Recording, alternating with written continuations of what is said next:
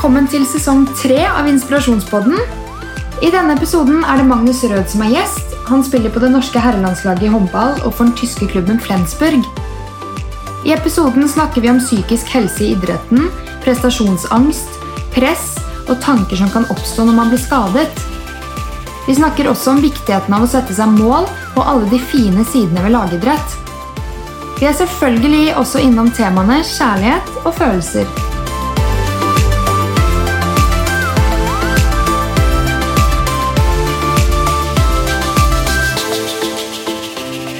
Først vil jeg høre med deg, Hvordan ser en vanlig uke ut for deg? En vanlig uke? Eh, en vanlig uke for meg er å stå opp sånn rundt åttetiden. Eh, altså mandag til, eh, mandag til fredag så er det å dra på trening. Eh, vi trener alltid tidlig. eh, Ti til klokka ett. Eh, og så er det å komme hjem og gjøre litt skole. Jeg studerer deltid på BI. Eh, Gjør du det? Gjør det. Å ja, hva da? Eh, økonomi og administrasjon.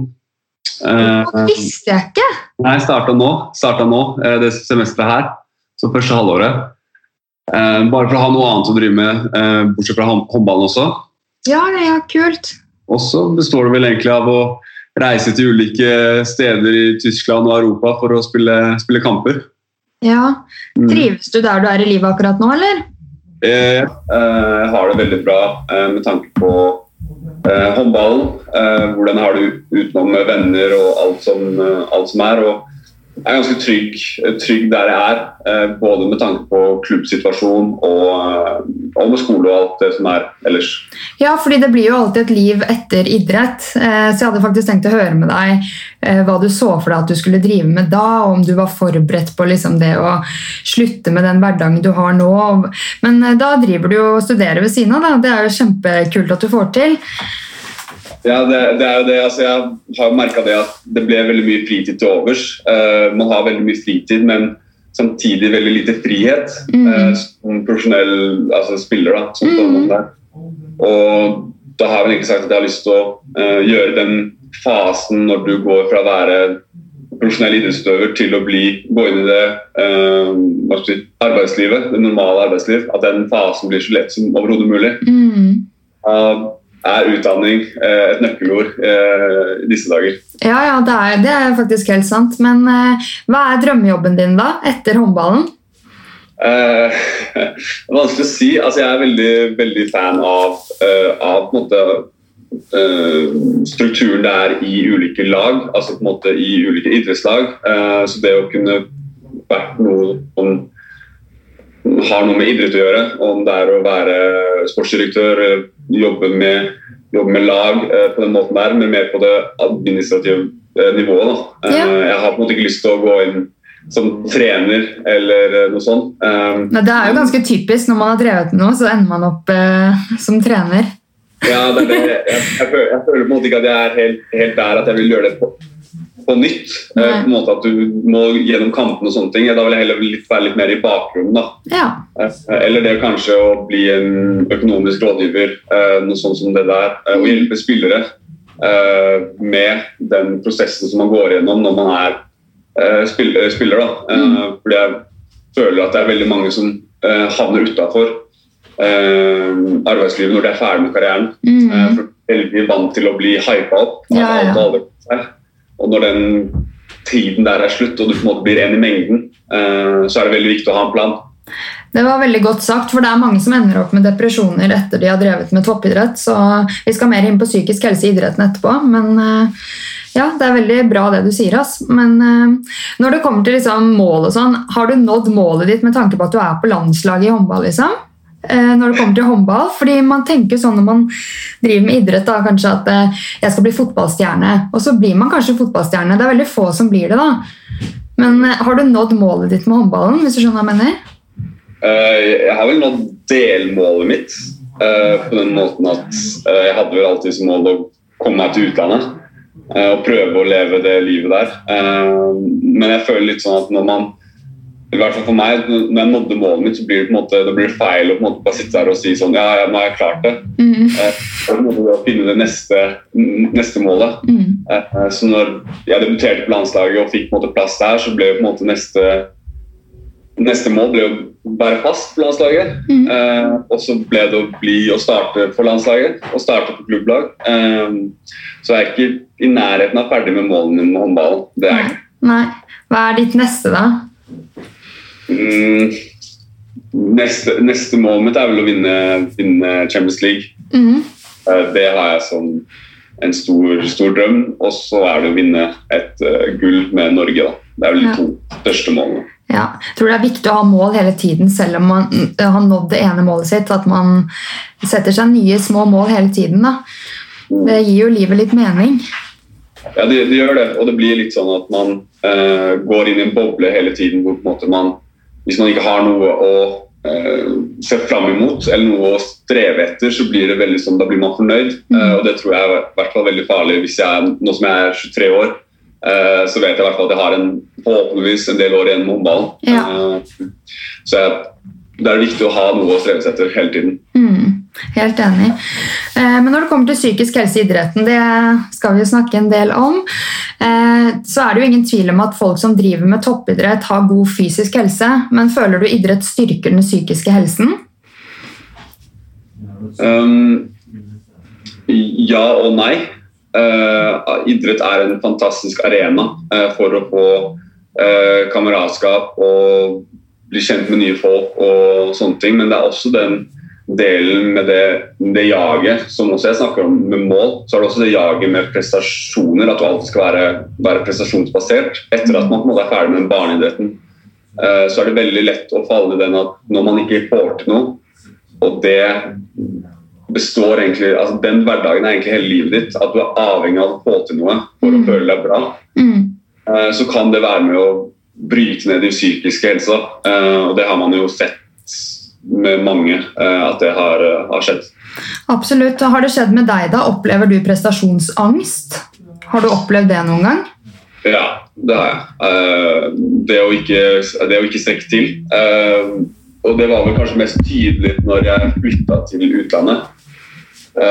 Og gikk fra å være en altså, ledende spiller i Bekkelaget, som jeg spilte i, til å på en måte være den som satt ytterst på benken eh, og ikke var i nærheten av å ha samme rolle som jeg var vant til. Eh, og det var veldig vanskelig eh, med tanke på det at du jeg følte, at jeg var avhengig av å prestere på hver eneste trening. og de få minuttene jeg fikk i kamp for å ha det bra. For jeg hadde ikke noe annet bortsett fra eh, de kampene man spilte, eller de to timene man var på trening. Mm. Så resten av dagen min var jo veldig Jeg gikk jo nesten og grua meg til uh, trening, på en måte. Uh, fordi det liksom sånn Ok, nå må jeg levere. Nå må jeg få det til. Mm. Så, så klarer jeg det ikke. Men, uh, men den prestasjonsangsten, kommer det av at du setter for Eller nå skal du prestere overfor deg selv, eller er det fordi at nå vet du at det, nå sitter plutselig hele Norge og skal følge med.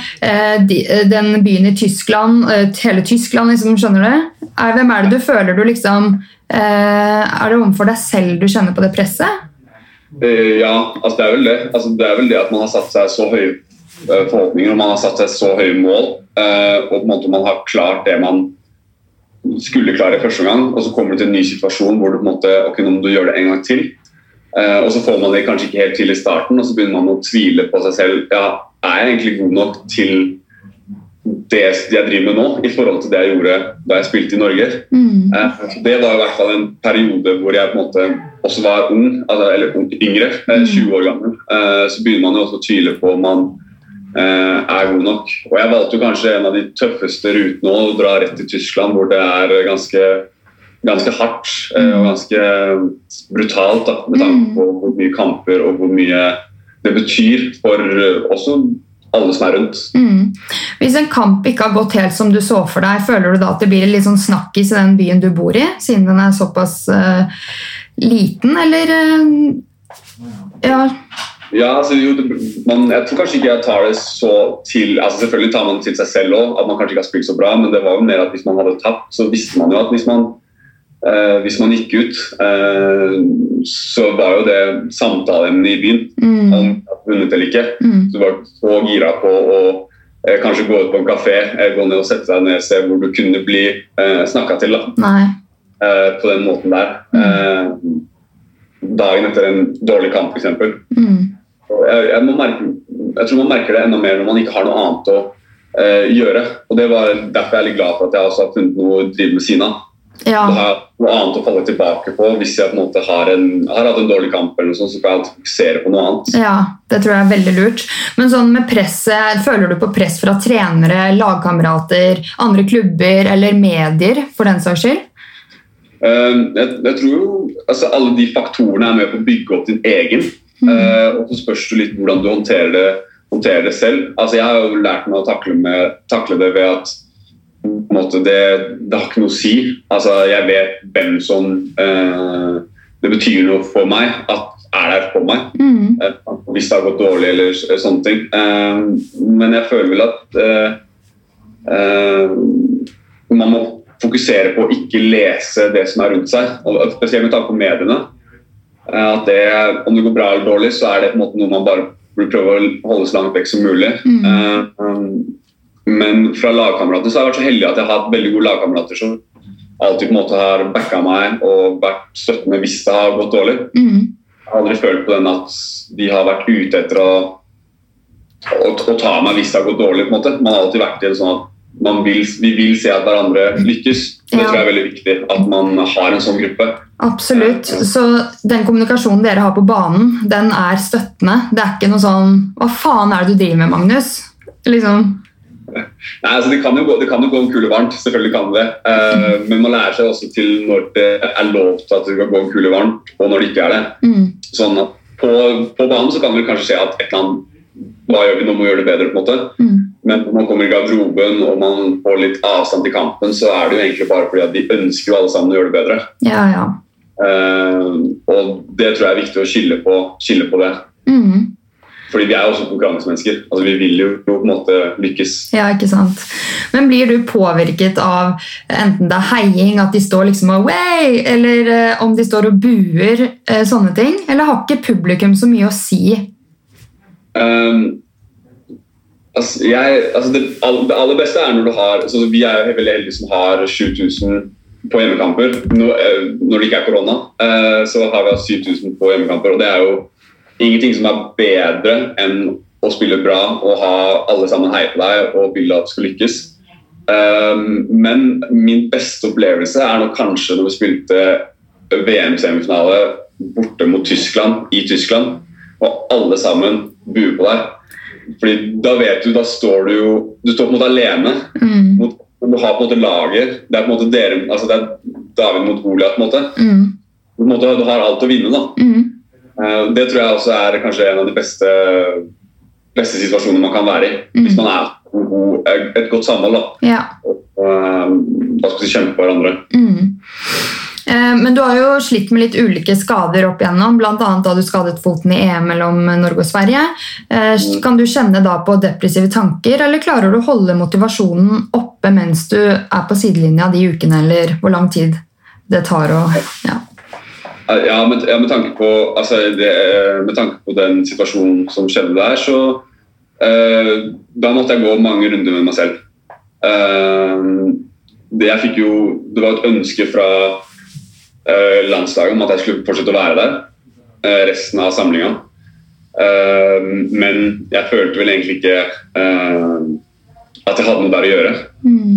Jeg syns, egentlig altså nå, nå hørtes det kanskje litt dumt ut, men jeg syns det var fælt å være der. Jeg Mm. syns ikke det var noe gøy i hele tatt. Men Og- Mener du da at du måtte være til stede på treningene og kampene, men uten å kunne spille? Mm, Å, ja. ja, den, den der at jeg var på en måte del av laget, men jeg, jeg var jo ikke det. Altså, jeg kunne jo ikke gjøre noe. Jeg hadde ingenting å bidra med bortsett fra å heie. Uh, og jeg følte vel egentlig at jeg ble en slags maskot eh, på den måten der, etter å få vært en av de som skulle hjelpe Norge å komme langt i mesterskapet. Eh, så det angrer jeg angrer kanskje litt på, på det selv, at jeg ble, ble igjen. Selv om det var fantastisk og man sitter igjen med at man fikk bronse og det der, men uh, jeg følte meg veldig utafor. Mm. Uh, og de skadene som har vært opp igjennom, det er jo sånn at man, da begynner man å tenke om det, om det er verdt det. Altså, det var jo sånn, da begynte jeg å tenke sånn skal jeg, skal jeg gidde å fortsette? Altså, Ja, fordi du, er, er du redd da for at det skal skje igjen? Og um, Kjenner du liksom på noe redsel da ved å komme tilbake på banen igjen etter de gangene du har vært skada? ja, altså spesielt, spesielt, spesielt med tanke på at det har vært mye brudd. Mm. Uh, så begynner man også å tenke på uh, hva er det som skjer den, den dagen hvor det, på en måte, hvor det ikke går lenger. Da. Uh, så begynner jeg også å tenke på det livet man har etter, etter håndballen. Mm. for det er en veldig fysisk, fysisk idrett, og det er mye som skjer. Og jeg vil jo på en måte ikke ofre resten av livet mitt fordi at jeg skal ha fem år med håndball, eh, f.eks. Mm. Um, og det, det har man kjent på at liksom sånn, man, når man er skada, så begynner man også å tenke på liksom sånn, er det verdt det. Skal jeg gidde å gå gjennom en uh, opptreningsfase igjen? Uh, hva skjer etterpå? Kommer jeg til å være like bra når jeg kommer tilbake? Uh, hvordan er det med beinet? kommer man til å komme opp på samme nivå igjen? det er jo tanker man kommer, kommer inn på ganske lett. Mm. Men med tanke på at du velger å ikke gå den veien enda da, hva er det som, at, er det som holder deg tilbake? Hvem er det som uh, er der for deg med tanke på at du faktisk blir og fortsetter? Det er nok, altså, altså min, min, største, min, største, fan er kanskje moren min. Mm. Uh, som sender meg en melding uh, hele tida. Si, når, de, når de periodene har vært, da, så har han vært veldig støttende og på en måte latt meg eh, komme helt vekk fra håndballen og bare vært liksom snakka om hva som, hva som, er. og bare sett meg da, som person og ikke snakka så mye om håndball. Eh, samtidig som hun har på en måte sagt at liksom, det går bra, det kommer til å gå bra. Eh, og så har man jo hatt venner som på en måte også har støtta, og sånne ting, og familie eh, som har vært der. Eh, men kanskje det aller beste har vært å ha hatt en sånn noen å snakke med mentalt, hvor du har fått lov til å få utløp for det her og sagt det du mener. Og kanskje fått noen motsvar og noen utfordringer mot, tilbake mot det. Mm. Hvem er nøkkelpersoner der, da, bortsett fra mammaen din? Uh, altså Den som jeg snakker mest med sånn uh, på laget, er Torbjørn Bergerød. Uh, som jeg har brukt liksom, som støtte for å gjøre det. Uh, og så har jeg jo ulike altså Med, med fysioen på landslaget, Harald Markussen, uh, som også har vært veldig veldig fin og på en måte har forsikra meg altså, om at sånt skjer. Altså, man kan på en måte ikke sikre seg mot at det kommer til å skje igjen, men mm. gjør du det her og det her, så er du på en måte best rusta for at det ikke skal skje. Mm. Så det har på en måte vært to av de nøkkelpersonene jeg har hatt som, å snakke med sånn. Ja, og til syvende og sist så tar man jo et valg for seg selv, så jeg regner jo med at du fortsatt spiller håndball fordi det gir deg en såpass stor glede. Ja, ja altså det er det. Er det, altså det er sånn, altså man, man, eh, jeg hadde jo ikke giddet å komme tilbake hvis jeg ikke hadde syntes det var moro å få oppleve alt jeg får oppleve. Eh, mm. For det er jo en fantastisk uh, reise, og jeg får oppleve masse byer, masse oppturer, mm. noen nedturer, uh, adrenalin. Altså det å være en del av noe større enn bare, bare meg. Mm. Det er uh, sykt kult. Så jeg, det er derfor jeg gjør det. Jeg gjør det for de minnene jeg kommer til å ha Eh, resten av livet. og de mm. opplevelsene her. Ja. Tror du det blir en kjærlighetssorg på en måte når du den dagen du gir opp, eh, eller gir opp, eh, legger håndballen bort? Ja, det er jo Jeg tror jo på en måte det blir det. Altså, jeg håper at jeg kommer til et punkt hvor jeg bare sier at jeg er fornøyd. Altså, jeg er fornøyd med det jeg har oppnådd med den tida jeg har, jeg har hatt. Mm. Uh, men samtidig så det, kommer, det til å være en stor, kommer det til å ha vært en stor del av livet mitt uh, de, de, siste årene. Fra jeg var starta da jeg var 13 år, da jeg var 13 år gammel. Mm. Uh, så jeg regner med at det kommer til å være et tomrom der. Ja. helt klart. Mm. Men så har du jo det å gå til. Også. Livet fylles jo på med et eller annet hele tiden. Og i hvert fall når man er litt målbevisst, sånn som du er. da. Mm. Så det blir nok sikkert også en naturlig overgang.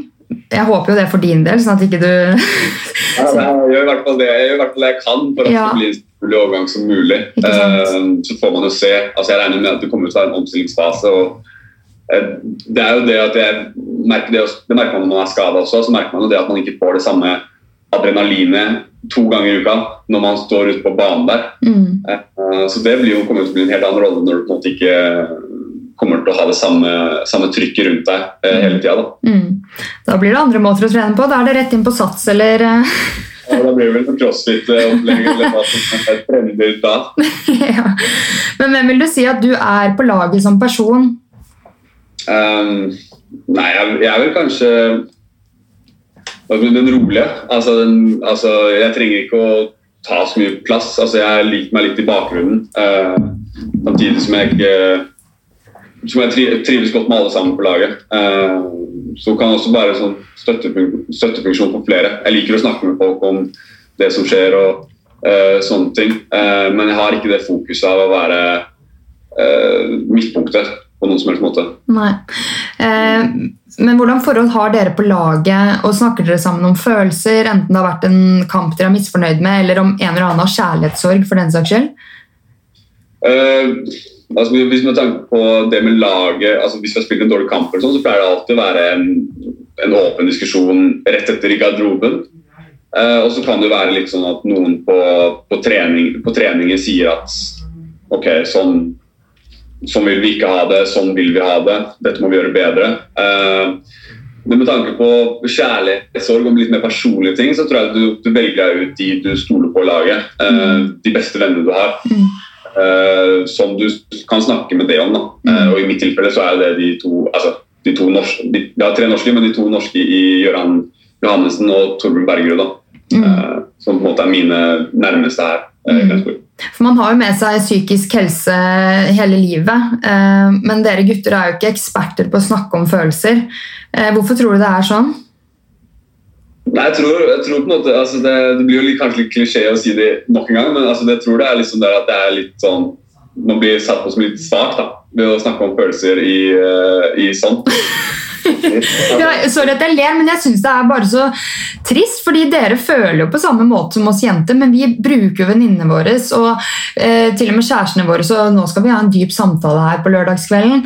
Og samboeren bare Ok, jeg er litt lei av de dype samtalene der, men jeg bare Hvorfor er det sånn, liksom? Hvorfor eh, dere, ja, dere har jo behov for å få det ut, dere òg, da.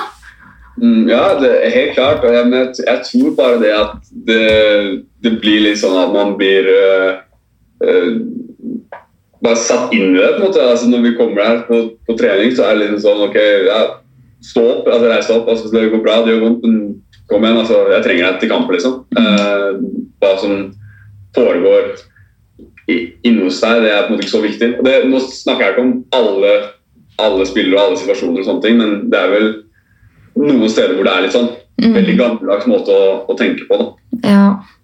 Du har nevnt både de fine og utfordrende sidene ved idretten, men på hvilken måte tenker du psykisk helse kan få større fokus i idretten? For vi har jo hørt Mats Hansen og Erik Follestad snakke om at mange føler på de og de tankene, men få snakker om det, da.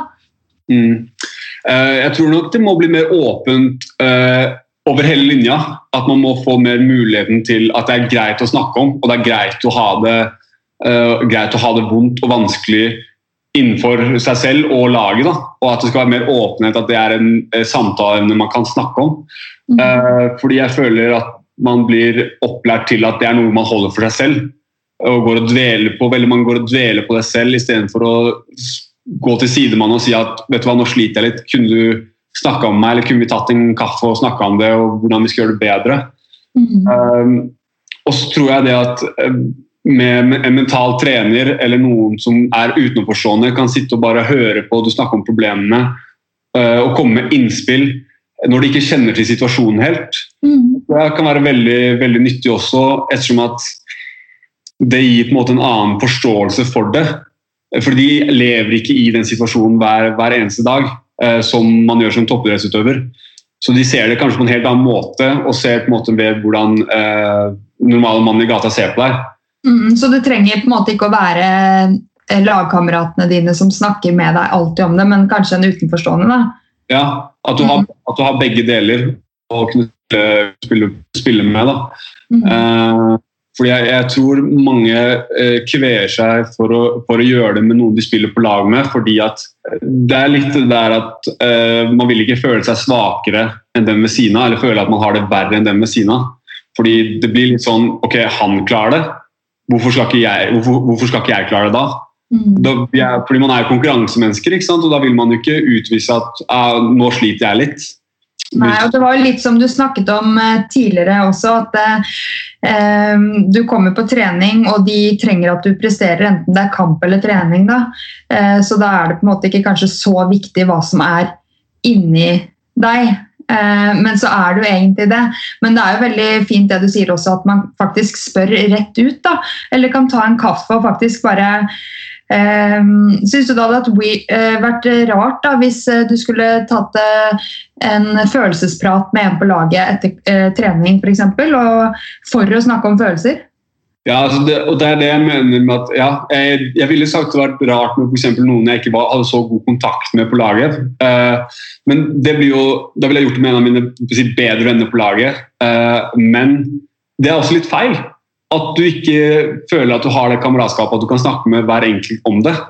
Uh, fordi i hvert fall vi som driver med håndball, vi, vi går gjennom det samme alle sammen. Vi har de samme treningene, vi har de samme reisene, de samme kampene. Mm. Så man ser jo de ulike situasjonene på en helt annen måte. Mm. Og det tror jeg på en måte, Hvis man kunne hatt en åpenhet om det, hadde det vært mye, mye lettere for alle. Ikke sant? Mm. Det er veldig godt tenkt. og eh, Dere har en lang vei å gå, da, eh, dere gutter. Men bare det at du, du, er bevisst på det, er jo et godt tegn. Ja, det, det føler jeg. Og man har jo, det har blitt litt mer åpenhet rundt, eh, rundt om det. men Uh, samtidig som du sier, så er det jo veldig van vanskelig. Uh, det, det, jeg har merka ved å spille i Tyskland nå, er jo på en måte f.eks. at vi kan komme på trening, og så står vi alle sammen i en sirkel, og så kan treneren spørre deg er det noen som har det vondt i dag. Ja. Og spør et åpent spørsmål ut i rommet. Og hvis du på en måte har noe du sliter med, da, Eh, eller noe sånt, så er du ikke helt komfortabel med å si det foran hele, hele laget. Da vil du heller kanskje ta det sammen med, sammen med f.eks. bare treneren eller noen andre. -hmm. hvis, da er det veldig mange som, som, tror jeg føler på det at nei, nå kan ikke jeg si noe fordi ingen andre sier noe. Mm. Da blir man litt redd for å, for å, være åpen og snakke om det som faktisk eh, det som skjer med deg. da. Ja, men Er det forskjell på Norge og Tyskland der, syns du, når det kommer til f.eks. det å kunne ha en åpen dialog om hvordan man har det da, inni seg. Jeg føler jo, at, jeg føler det at eh, Norge har kommet, kommet lenger. Eh, altså Tyskland er veldig hva skal si, det er gammeldags. Altså, du skal bare klare det, rett og slett. Og hvis du ikke klarer det, så, så funker det ikke. Eh, nå skal jeg si at Treneren vår har, har sine greier, men så er han også noen greier hvor jeg syns han er virkelig bra. Og det går an å snakke med han én eh, til én. Men jeg tror bare den generelle holdningen til problemet må, må forbedres. Ja. Eh, fordi det er for mange eh, ting som kan ligge der og skurre, mm. som egentlig er småting. Mm. Når det er sånn i løpet av en hel sesong da, eller en hel karriere, så, går, så, ender det med at man gruer seg til visse ting eh, når det kommer opp. Ikke sant? Det tror jeg har en veldig stor innvirkning på den totale psykiske helsen til eh, den enkelte. da. Mm. Hva tenker du er lurt å gjøre hvis man har det vanskelig psykisk fordi man driver med toppidrett? Fordi de psykiske plagene kommer av idretten med tanke på press, prestasjonsangst. Eh, du var jo litt inne på det nå, da, men mm. eh, hva, hva, kan man selv gjøre, tenker du? Eh, det, det, altså, eh, det første jeg ville, ville tenkt på, er at eh, nå snakker jeg for lagidrettsutøvere her òg, eller egentlig alle sammen. At eh, idrett er underholdning. Mm. Altså Idrett er underholdning. Det er noe vi gjør for å glede også folk rundt oss. Mm. Glede det norske folk, glede de som er interessert i idretten. Så om vi på en måte uh, si, gjør det bra eller dårlig, så er det for underholdning. Uh, og Det er ikke viktig å glemme det at vi gjør det her fordi vi syns det er gøy. Og hvis du ikke syns det er gøy å drive med det, så, er, så, blir det vanskelig å drive med det over lang, lang tid. Mm, veldig godt sagt. Den grunnleggende ideen om at det skal være gøy å drive med det du holder på med, for vi er så privilegerte at man får lov til å drive med hobbyen sin, mm. Eh, jeg tror det er viktig å ha i bakhodet uansett. Eh, og så er det det som vi har snakket om, og det å tørre å være åpne med det. Og Da snakker jeg ikke om for å, å gå til media og si at eh, si, jeg har slitt mentalt eller jeg, jeg, har det. Men det at du har folk rundt deg som du er komfortabel med å snakke om at ja, nå har jeg det litt vanskelig, eh, nå, nå er det litt problemer her. Mm. Det er bare det at man har noen å spille av følelsene sine på. da. Mm. Man er, sånn er trygg med seg selv. Mm. Fordi Det er også noe som er vanskelig. fordi Det er veldig lett å gå inn i en sånn boble og bare tenke at eh, dette her skal jeg fikse selv. Mm. Og ingen, jeg vil nesten gå for 99% av alle de som har klart uh, å bli toppidrettsutøvere og bli best i verden, har, har ikke klart det selv. Nei. De har alltid hatt et støtteapparat rundt seg. Og det er nok kanskje noe av det viktigste hvis du skal lykkes. Og det å ha folk rundt deg som du stoler på og trives med. Absolutt, og det kan også vi vanlige mennesker ta med oss i vårt liv. Da, fordi jeg også tenker at jeg skal reparere meg sjæl hele tiden. Mm. Uh, sitter langt inne for meg å skulle gå til en psykolog, eller noe, selv om jeg vet at det er dritbra. Fordi psykisk helse det er, vi, Jeg er jo så opptatt av min fysiske helse, og det er jo veldig mange andre også. Men så glemmer man litt å ta vare ordentlig på sin psykiske helse. da. Enten man er toppidrettsutøver eller en mann i gata, liksom. Ja. Ja, det handler det om at, også det å tørre å, å være komfortabel med å være i en ukomfortabel situasjon. Mm. Det å tørre å sette seg i sånne situasjoner hvor du føler deg sårbar og ikke vet helt hvordan personen over deg kommer til å reagere på det du har å si. Mm. Eh, For det tror jeg også da, da Det vokser med deg at du tør faktisk å si det til personen du sitter over, selv om du kanskje ikke hadde tenkt at det var noe du skulle, skulle dele med det individet. Mm. Nei, du sier mye klokt nå, men eh, så er det jo veldig inspirerende også at du har kommet dit du er i dag da, med håndballen. Eh, men det er jo ikke plass til alle på toppen. Hva er det som skal til for å komme dit du er, og hva er det som krevdes av deg? Um, Jeg husker veldig godt uh, hvorfor uh, eller når jeg startet med håndball. Uh, Jeg starta relativt sent. eh, Da jeg var eh, Jeg ble 13, rett før ungdomsskolen. Eh, Og så husker husker jeg egentlig bare at jeg, eh, når jeg møtte Når jeg kom på trening første gang, at jeg syntes det var, som jeg, som jeg sa, utrolig gøy. Eh, Det var en helt ny situasjon for meg, nye impulser og sånne ting. Og så var det det at vi hadde et veldig godt kameratskap og et veldig godt lag som gjorde det gøy å spille håndball. Så jeg tror bare den indre, in, altså si, den indre sirkelen som var i mitt håndballmiljø, var veldig, veldig bra. Og så eh, følte jeg at jeg hadde den indre driven. Jeg følte på en måte at uh, dette var noe jeg virkelig ville. Og jeg skulle ikke la det stå, noe stoppe meg, rett og slett. Mm. Uh, så var jeg, jeg var veldig heldig med at jeg hadde også folk som hadde troa på meg, og som sa også at uh, med mine kvaliteter, altså med at jeg er skeivhendt Jeg var to meter når jeg var 14 år gammel. altså De sa på en måte at du, du kan bli proff hvis du vil. Og det var jo på en måte en motivasjon for meg å på en måte bevise at ok, dette kan jeg klare hvis jeg legger ned nok arbeid. da. Mm. Eh, Så du hadde en skikkelig indre motivasjon hele veien? Ja. Jeg, jeg, jeg, mist, jeg, den, jeg tror aldri jeg mista den i, i ungdomsårene. Jeg, jeg brydde meg ikke så mye om si, hvor, altså, at jeg gikk glipp av en fest eller at jeg måte, gikk glipp av det eller det. Altså, jeg, visste bare hva, jeg visste hva jeg ville. Mm. At jeg måtte jobbe, jobbe hardt for å komme dit jeg eh, hadde lyst til å komme. Eh, Så har du hatt mange fine folk som heier på deg i tillegg, så det gjør det sikkert litt lettere òg å bli der, selv i vanskelige perioder òg. Ja, det var det. Altså, spesielt med tanke på det altså, Vi snakka om skader, at man har brekt mye. Eh, Jeg vokste veldig fort uh, tidlig. Og det gjorde jo til at jeg hadde en del vansker med å kontrollere kroppen, rett og slett-. Mm. Uh, Så husker jeg veldig godt uh, Jeg hadde vært på fotballtrening, og så så hadde jeg, jeg klarte ikke å ha touchen, jeg klarte ikke å trikse til to. Jeg klarte ikke å gjøre noe som helst med ballen. Jeg følte meg som Bambi på isen. Ja. Eh, så jeg, jeg, kom, jeg kom inn i bilen og så sa jeg til moren min at eh, eh, jeg, er ikke, jeg er ikke god. Jeg er ikke god lenger. Jeg sa det etter en håndballtrening eller fotballtrening. Jeg sa det til begge. Jeg kan ikke drive med det. Fordi jeg klarer ikke å stokke beina. Eh, og da husker jeg også, da hadde jeg også da eh, altså moren min og folk rundt meg som sa dette her klarer du, dette her kommer til å gå fint. Eh, det er bare en periode, det er bare en fase. Og det tror jeg også man må tenke på eh, med tanke på psykisk helse og de målene man ønsker å gi seg når det er litt tungt. Da. Og når det er litt vanskelig, at det er, det er en fase. altså Det blir bedre hvis du klarer å stå imot det og klarer å være ærlig og si at nå føler jeg meg ikke bra, eller nå føler jeg ikke det er bra nok, men jeg vet at det kommer til å bli, bli bedre. Mm. Mm. Å, herregud. Det er kjempeinspirerende å høre på deg, og det er sikkert på mange andre også syns. Mm. Um, men mange ser jo opp til deg, og særlig de unge håndballspillerne. Uh, tenker du på din rolle som forbilde, uh, og hvordan forbilde er det du ønsker å være?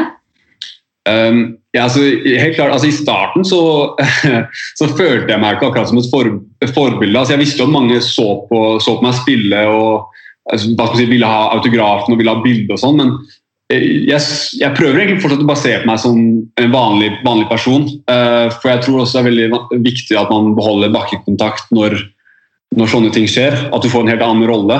Uh, men det er helt klart at man har tatt den rollen som et forbilde uh, fordi man vet hvor mange som setter pris på det du gjør. Eh, det er så mange unge spillere som måte har lyst til å bli, bli håndballproff eh, og ser opp til en. Da. Jeg tror også det er viktig at vi viser, viser gode verdier og det vi mener er viktig for å, for å lykkes. Eh, fordi hvis vi ikke, altså ikke for å nevne navn, men hvis du er uh, ute, i, ute, i, media og på en måte gjør dumme ting, så er det veldig lett for den yngre generasjonen med tanke på sosiale medier og alt som er, å se, se hva du driver med. Ja, og det vil jeg også høre med deg om, om du er bevisst på hva du legger ut på sosiale medier.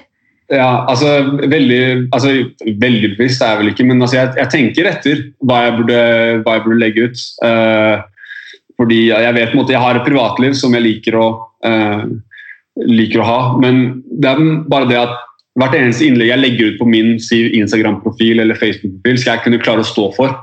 Jeg skal kunne klare å argumentere med at dette er den jeg, dette er, den jeg er, og dette er jeg stolt av å drive med, f.eks. Uh, eh, uansett hva det skulle være. Uh, så jeg, jeg, er bevisst, jeg, er bevisst, på det, men samtidig så er det også viktig for alle rundt å huske at vi også er mennesker som på en måte, Vi er ikke bare maskiner som spiller, uh, spiller kamp hver tredje dag. Vi har også liv ved siden av. ja, ikke sant? Og til syvende og sist så er vi alle bare mennesker. Mm. Så har man eh, kvaliteter og man er inspirerende på sin måte. Og eh, du virker veldig reflektert og bevisst på den rollen du har fått i dag. da. Ja, altså jeg, jeg prøver jo det. og man man, le, man, leser jo, man har jo, altså Verden er jo så liten i dag med tanke på sosiale medier og alt, at man kan lese nyheter som skjer uh, halvtime, for en halvtime siden. Mm. Så tror jeg på en måte det er, uh, det er viktig å hva skal si, kunne stå for det du driver med.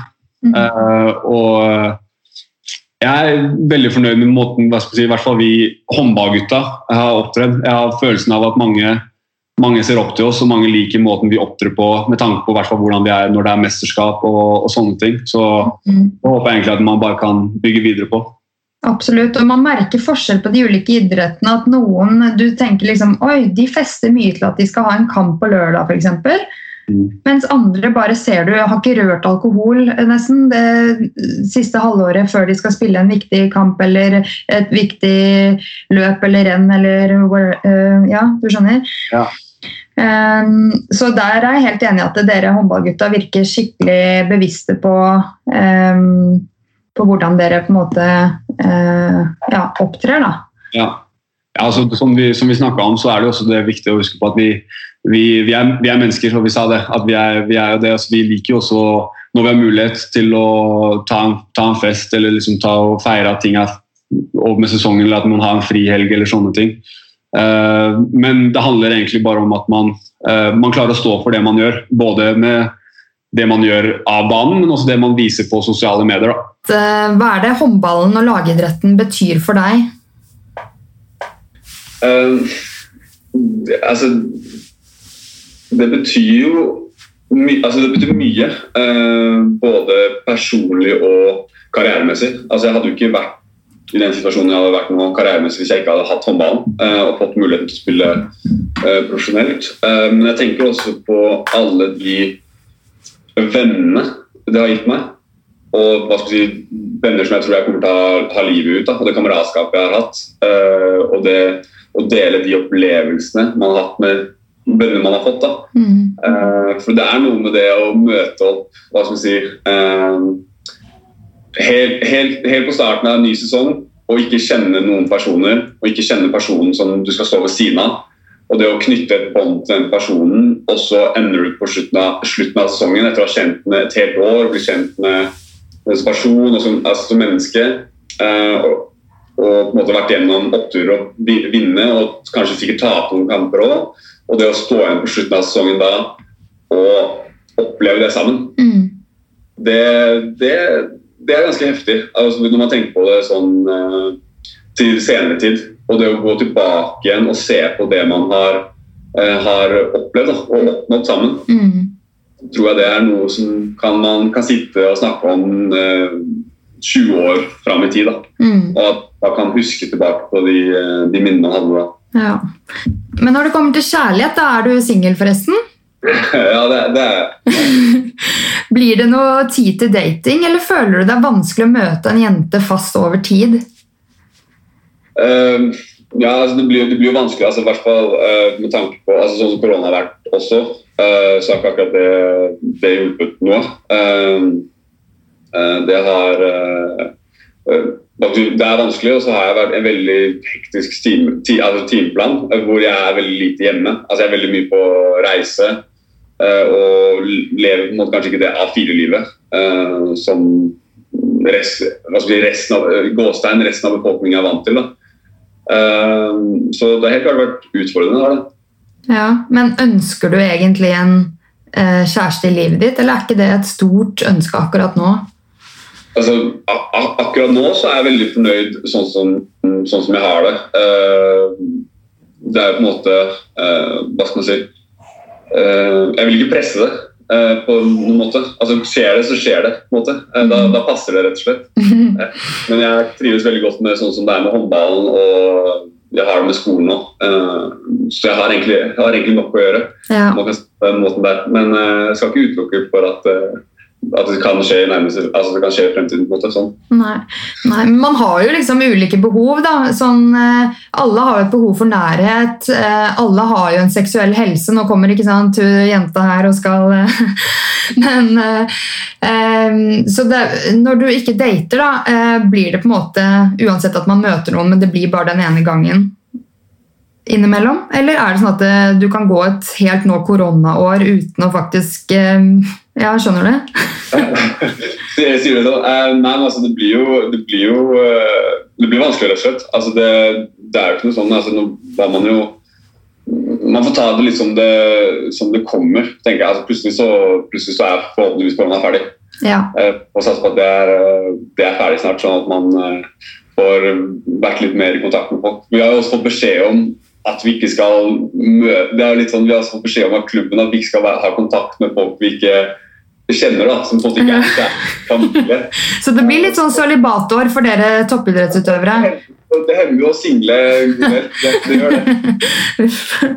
Men jeg tenkte vi kunne gå over på litt faste spørsmål. Mm. Mm. Eh, hvordan starter du uken best mulig? Det- jeg starter best mulig ved å stå opp, eh, stå opp eh, klokka åtte og lage meg havregrøt og gjøre meg klar for trening. Ja. Er det havregrøt hver dag? Eh, Hver dag med bringebær og et egg. Ah, nam. Ja. Hvordan finner du motivasjon til å snu en dårlig dag om til en god dag? Um, da tenker jeg på noe som jeg gleder meg, gleder meg til i fremtiden. I nærmeste fremtid. Hva er du takknemlig for? Um, jeg er takknemlig for, for familien min og de vennene jeg har rundt meg. Hva inspirerer deg? Mm, uh, uh, muligheten til å, til å bli bedre. Ja, Mm, Og det at jeg har muligheten til å bli bedre, uansett hva det er. Ja Det var veldig godt eh, tips. Den tror jeg liksom alle kan ta med seg i sitt liv, selv om de ikke driver med toppidrett. Ja, det, det er på Det er jo litt, litt sånn uh, livs, altså Ikke livsmotto, men det er noe man kan, alltid kan strekke seg etter. Og gjøre det bedre, selv om man kanskje ikke har det bra eller så bra som man ønsker å ha det. Men tusen hjertelig takk for at du stilte opp i podden. Det har vært skikkelig hyggelig å ha deg med. Bare hyggelig, Tina. Det har vært superhyggelig å kunne snakke med deg.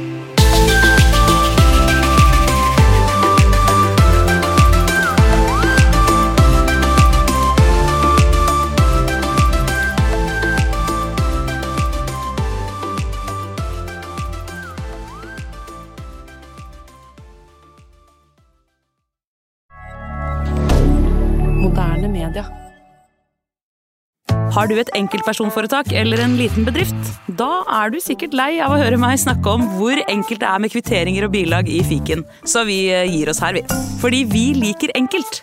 Fiken superenkelt regnskap.